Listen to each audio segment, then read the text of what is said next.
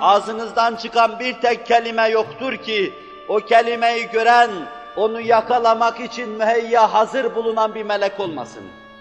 Ağzınızı açtınız. Ağzınızdan çekirdeği atıyor gibi bir kelime atı verdiniz. Ona nazır bir melek vardır, rakib diyor, rakibun atid. Ve hazır, yarışa hazır gibi bekliyor. Ayaklarını kıvırmış altına, üzerine çömelmiş, sizin ağzınızdan çıkan kelimeyi yakalamak için bekliyor.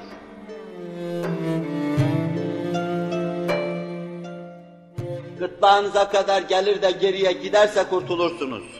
Bazı ehlullah kalbinizden geçen şeyleri dahi tespit ederler. İbn Ömer onun için çok korkuyordu.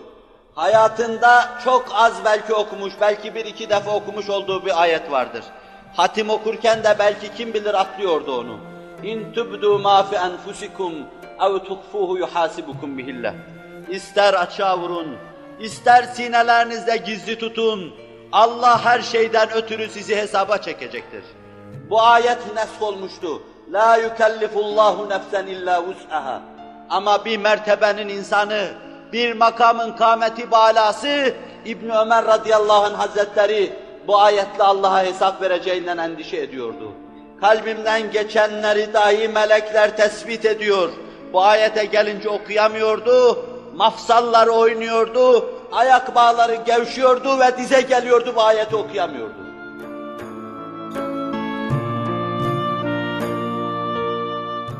مَا يَلْفِظُ مِنْ قَوْلٍ اِلَّا لَدَيْهِ رَقِيبٌ عَتِيدٌ Ağzınızdan çıkan bir kelime, telaffuz edeceğiniz bir kelime yoktur ki onu yakalamak, kendine has ölçüler içinde, kendine has tespit ölçüleri içinde tespit edecek bir melek bulunmasın. Ve bir gün bu tespit edilen her şey elinize bir kitap halinde verilecek. İsra Sure-i Celilesinde dendiği gibi İkra kitabeke kefa bi nefsike levme aleyke hasibe. Kitabını kendin oku. Hesabını kendin gör. Kitabın hesabını görme mevzunda sana yetecek el verecektir. İkra kitabek kefa bi nefsike levme aleyke hasibe.